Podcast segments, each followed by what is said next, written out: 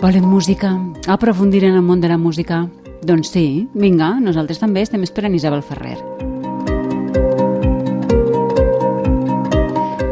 No l'estem esperant, és que ja la tenim. Vull dir, l'estàvem esperant tota la vesprada, però ja està sí. Com estàs, Isabel? Bona vesprada. Hola, bona vesprada. Ara, mira, ara estava dubtant entre dues mm. coses i em sembla que m'ha produït molta curiositat saber què li ha passat a Nelo i també estava pensant que aprenc molt amb els vostres reportatges, de tots, eh? però el d'avui m'ha resultat especialment interessant. Sí, sí. El que sí? Mm, sí, molt. és que tenim molt. uns uns eh, companys i companyes al programa que se corren uns reportatges molt interessants, molt xulos, amb continguts a més eh, eh, treballats, però a més que són, doncs, com el d'avui, per exemple, no? que molt interessant, sí senyora. Com el que ens contaràs tu, estic seguríssima. Què ens portes avui? Espero que sí, perquè pensava amb això no, que, és, que és molt important eh, en general durant tot el, tot el procés vital l'educació i, i les ganes d'aprendre i d'equivocar-se, de, d'alçar-se, de, de, no? I, i avui volia parlar un poc d'això, de música i educació, especialment mm -hmm. perquè eh, a la gran majoria de gent ens encanta la música, però en àmbit educatiu sempre pareix que és d'aquelles matèries maries que, que pareix que en qualsevol moment pot caure del pla d'estudi bàsic perquè se la considera com ah, poc rellevant. Sí, I, sí. Però d'altra banda, aquesta idea d'aparent irrellevància conviu amb una altra idea totalment contrària, que és la que la, que és la idea que la música pot arribar a tindre molta més capacitat educativa que altres assignatures i de fet és que tenim molts productes culturals que, que, que ho mostren. Eh, segurament mm. d'una forma un tant idealitzada, no? Ara pensava, per exemple, en la pel·lícula Sister Act, suposa que tot el món la, la sí. coneix. Sí. Uh -huh. Sí, bueno, pel·lícula, pel·lícula... Eh, Sí, la monja és capaç de convencer un grup de joves a, a que canten en un cor, no? I així bueno, afavoreixen la seva vinculació a l'escola. Sí, és, ara pensava també en el cas de Los chicos del coro, que hem parlat alguna vegada també en, el, en la secció, i no sé si n'hi haurà més pel·lícules d'aquest estil, suposo que sí, i també m'ha vingut al cap eh, la, la, la pel·lícula espanyola Campeones, que, i ara pensava sí, que pot ser amb sí. l'esport. També passa un poc això amb la música, no? que en el qualsevol mateix, moment no? és, mm. és, és una assignatura que la gent considera poc important, que si la suspens no passa res, no? que dona la impressió que si no l'has aprovat és com que has fet un poc el mandra, eh, yeah. però eh, i sabem que la pràctica física és important, però l'assignatura no. La, en l'àmbit educatiu no mm. tant. Però clar, fixa't una cosa, Isabel, perquè eh, l'esport sí que ocupa molt d'espai en els mitjans de comunicació, però ai, les activitats culturals van al final, no?, un poc, i, i si ha de caure alguna cosa de l'escaleta, sovint és això, no?, llibres, teatre, música, no sempre donen tanta importància o donem tanta. Sí, sí, jo, jo he estat pensant també sobre aquesta idea un poc i en aquest sentit de cultura eh, pel que entenem d'algunes activitats culturals, sí, però també és de veres que en altres programes la música té, té, té molt de protagonisme no? en, mm. en l'entreteniment i, en, i en la visió no? de, de la televisió. Però bé, eh, aparquem un poc aquest tema de l'esport i la música i, i parlem de, dels temes de, de, de música i educació i per què entenem l'educació musical avui en dia d'esta manera, no? com una cosa que, que sabem que és important emocionalment però en canvi no és rellevant. Mm -hmm. Doncs vinga, endavant. Mira, la veritat és que és difícil anar més enrere de l'edat mitjana per posar un poc de context històric, eh? per a saber com hem arribat fins així. És, és molt important mirar cap enrere. I eh, sí que sabem que, per exemple, a, a l'antiga Grècia es pensava que la música tenia com determinats poders que influïen en el nostre caràcter. Això per tant, era una forma de dir que la música es podia utilitzar en finalitats educatives, perquè si escoltaves determinada música, aquesta música podia, per exemple, incitar a la reflexió, a la meditació, sí. A la guerra, estar trist, estar alegre, però de tota manera mm -hmm. tot això no ho coneixem molt bé, aleshores quan un poc tenim un retrat més clar és a partir de l'edat mitjana. Òbviament, a l'edat mitjana no hi havia classes de música ni escola, conforme l'entenem avui en dia, però sí que els sí. pensadors remarcaren molt una cosa que ja se sabia d'abans, però en aquest moment es feu especialment útil, que és que amb la música és més fàcil memoritzar oracions i, per tant, és més fàcil acostar missatges religiosos. Aleshores, ah. bona part de l'alfabetització de les persones d'aquell temps en aspectes religiosos passava no per l'aprenentatge amb llibres, com en tenen avui en dia, sinó pels cants mm. i les oracions cantilades que tenien lloc en les esglésies. Sí, havia portat una Ai, música que... ara, no sé sí, si la tenim. Sí, música, tu no. Ara. Ah, això, això.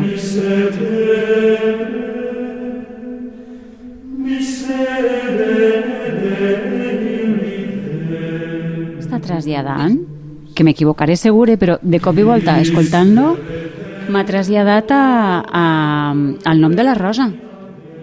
Sí, és que estem parlant més o menys de la mateixa, de la mateixa època, diria que és un, un poc posterior, un poc mm, posterior. Mm -hmm. Això seria com... Eh, és, la de mitjana en general, això és un cant mossàrab, que és dels primers que conservem sí. en, la en la península ibèrica, per tant és un poc prou abans que, la, que, que, el, sí. món, que el nom de la Rosa. Però eh, l'he portat per no parlar també sempre de cristians, no? perquè hi ha cristians en el sentit que, que entenem, perquè també hi ha rellevància que la música en ambients cortesans àrabs, eh, saber mm. música era un símbol de distinció i en tenim mostres especialment en terres valencianes i, i murcianes. Ara sí. bé, tant en el món àrab com en el cristià, el fet de tocar un instrument no estava del tot ben vist, ja que es considerava que era com una activitat artesanal, eh, manual, que es relacionava amb allò mundanal i, per tant, allunyat dels teus. Així, sobretot, en el món cristià, estudiar música era un, un, un fenomen intel·lectualment estava ben vist, però només en aquesta faceta intel·lectual, eh? no en la faceta pràctica. Ai, però i què vol dir estudiar música en la faceta intel·lectual? És estudiar música com un fenomen teòric. La, la música en aquell ah. temps s'estudiava dins d'un conjunt d'assignatures que s'anomenava quadrivi, mm. que era el nom que es, es donava a un grup d'assignatures que, que contenien aritmètica, geometria, música i astronomia l'objectiu uh -huh. del quadrivi era preparar l'estudi filosòfic, eh, que estava molt lligat. Ara ho tenim com totalment separat, filosofia, lletres i les altres de ciències, però en aquell moment estava molt integrat.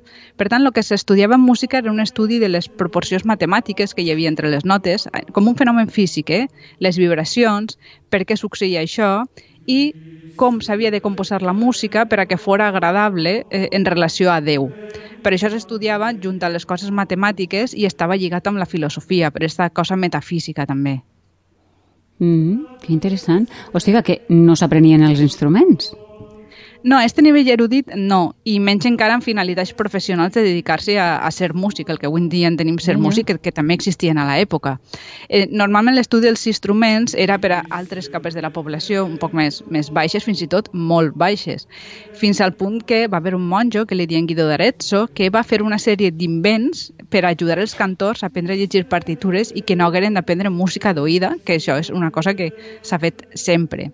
De fet, a Guido d'Arezzo, que ja hem parlat alguna vegada d'ell en, en, en el programa, sí se li atribueix el fet d'haver posat el nom a les notes, do re mi, per a poder-les cantar eh, sense haver de mirar sí, la lletra sí. que hi havia baix mm. i, i que aprendre música no depenguera de saber llegir.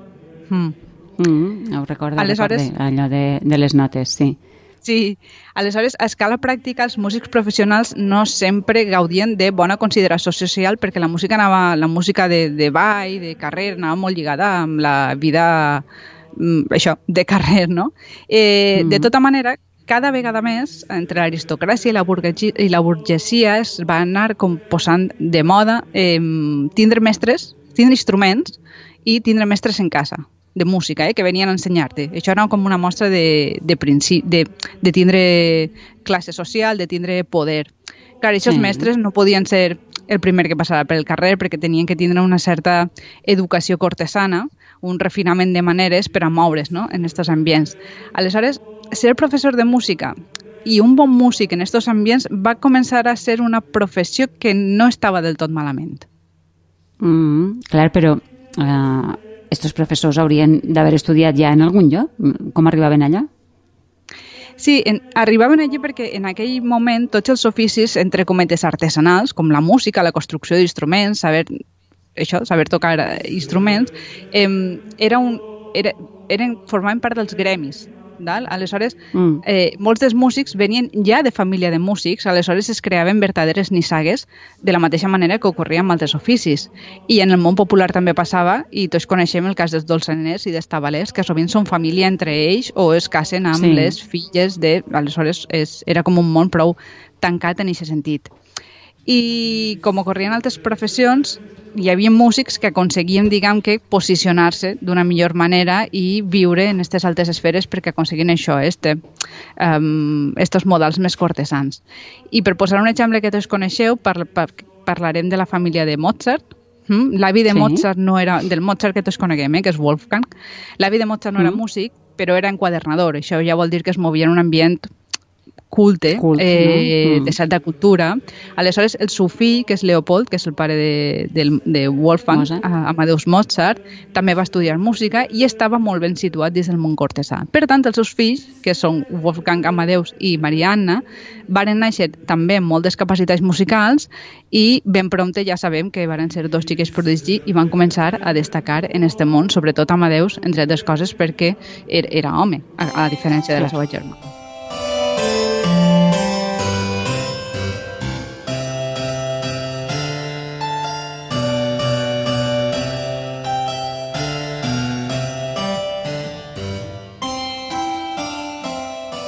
Sí, això que escoltem és un xicotet fragment d'un conjunt de peces Mhm. que s'anomenen quadern de Nanel, que ja sentiu que són faciletes perquè les va escriure Leopold Mozart eh, per a que la seva filla aprenguera a tocar el piano. Però s'han trobat que dins del llibre hi ha com tres cal·ligrafies diferents. Una és de Leopold, pare, una altra seria de Wolfgang Amadeus i hi ha la hipòtesi de que la tercera seria d'Anna Maria. Ah, i fixa't, et pregunto això, amb les dones passava igual que heretaven l'ofici? No del tot. Primer de tot, molts pares educaven les filles per a que, a més de músic, per a que, més que músics, perdó, foren cantants. Però això no, no volia dir que elles no saberen tocar ni compondre. De fet, en aquell temps, les cantants, també com que s'autoacompanyaven amb algun instrument de corda, com la guitarra, el llaüt, i havien de saber improvisar i, compondre melodies. És a dir, rebien una educació musical completa mmm, de la mateixa manera que els homes. Però la idea de fons que sovint tenien els educadors era que elles guanyaren diners, agafaren una bona, bona, bona, bona posició social i trobaren un bon marit i en el moment ixe abandonaren la carrera només casar-se. Aleshores, n'hi havia Ahà. algunes, poques, que eh, continuaven com a professionals, però en molts casos també era perquè tota la família es dedicava al món de l'espectacle, no? com per exemple una companyia d'òpera. Mm. I, Isabel, els conservatoris, les dones podien anar-hi?